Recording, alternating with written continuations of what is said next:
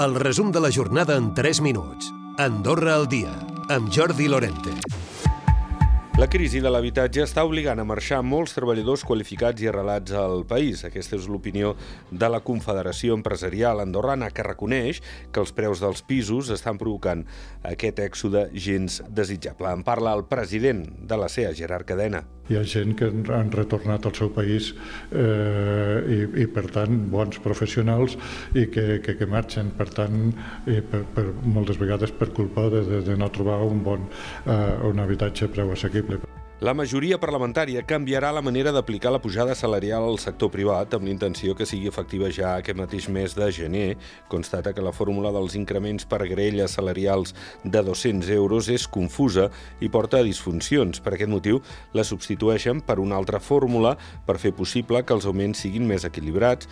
N'ha parlat el president del grup parlamentari demòcrata, és el Carles Ensenyat. Al final la fórmula generava una, una incoherència, que era que com feia salts de 0,5% per cada tram de 200 euros, el que feia és que, per exemple, una persona que cobrava 1.400 euros tenia una pujada salarial molt més forta que una persona que cobrava 1.401. I això feia que la que persona que abans estava un euro per sota, després quedés per sobre generar menys i reciclar millor.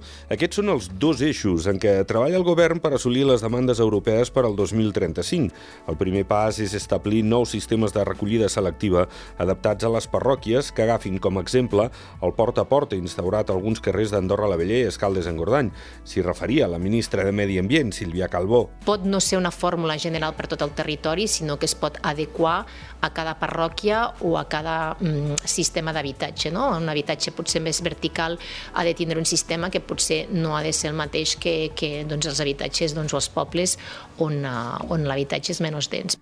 Barcelona, Lleida i Tolosa segueixen sent les principals destinacions internacionals de l'Estació Nacional d'Autobusos, una estació que de fet està recuperant xifres semblants a les del 2019, com reconeix el seu director, el Jaume Vidal.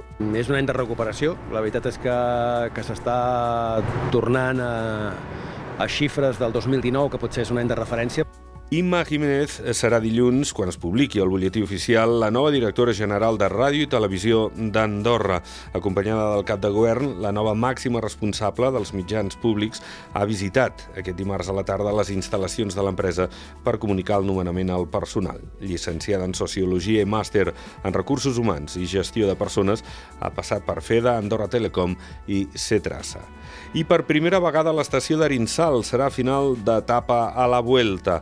La 78a edició de la Ronda Espanyola prendrà la sortida des de Barcelona el pròxim 26 d'agost i el dia 28, dilluns, arribarà a Andorra, amb una tercera etapa que arrencarà des de la localitat catalana de Súria i que tindrà un recorregut de 158 km i mig.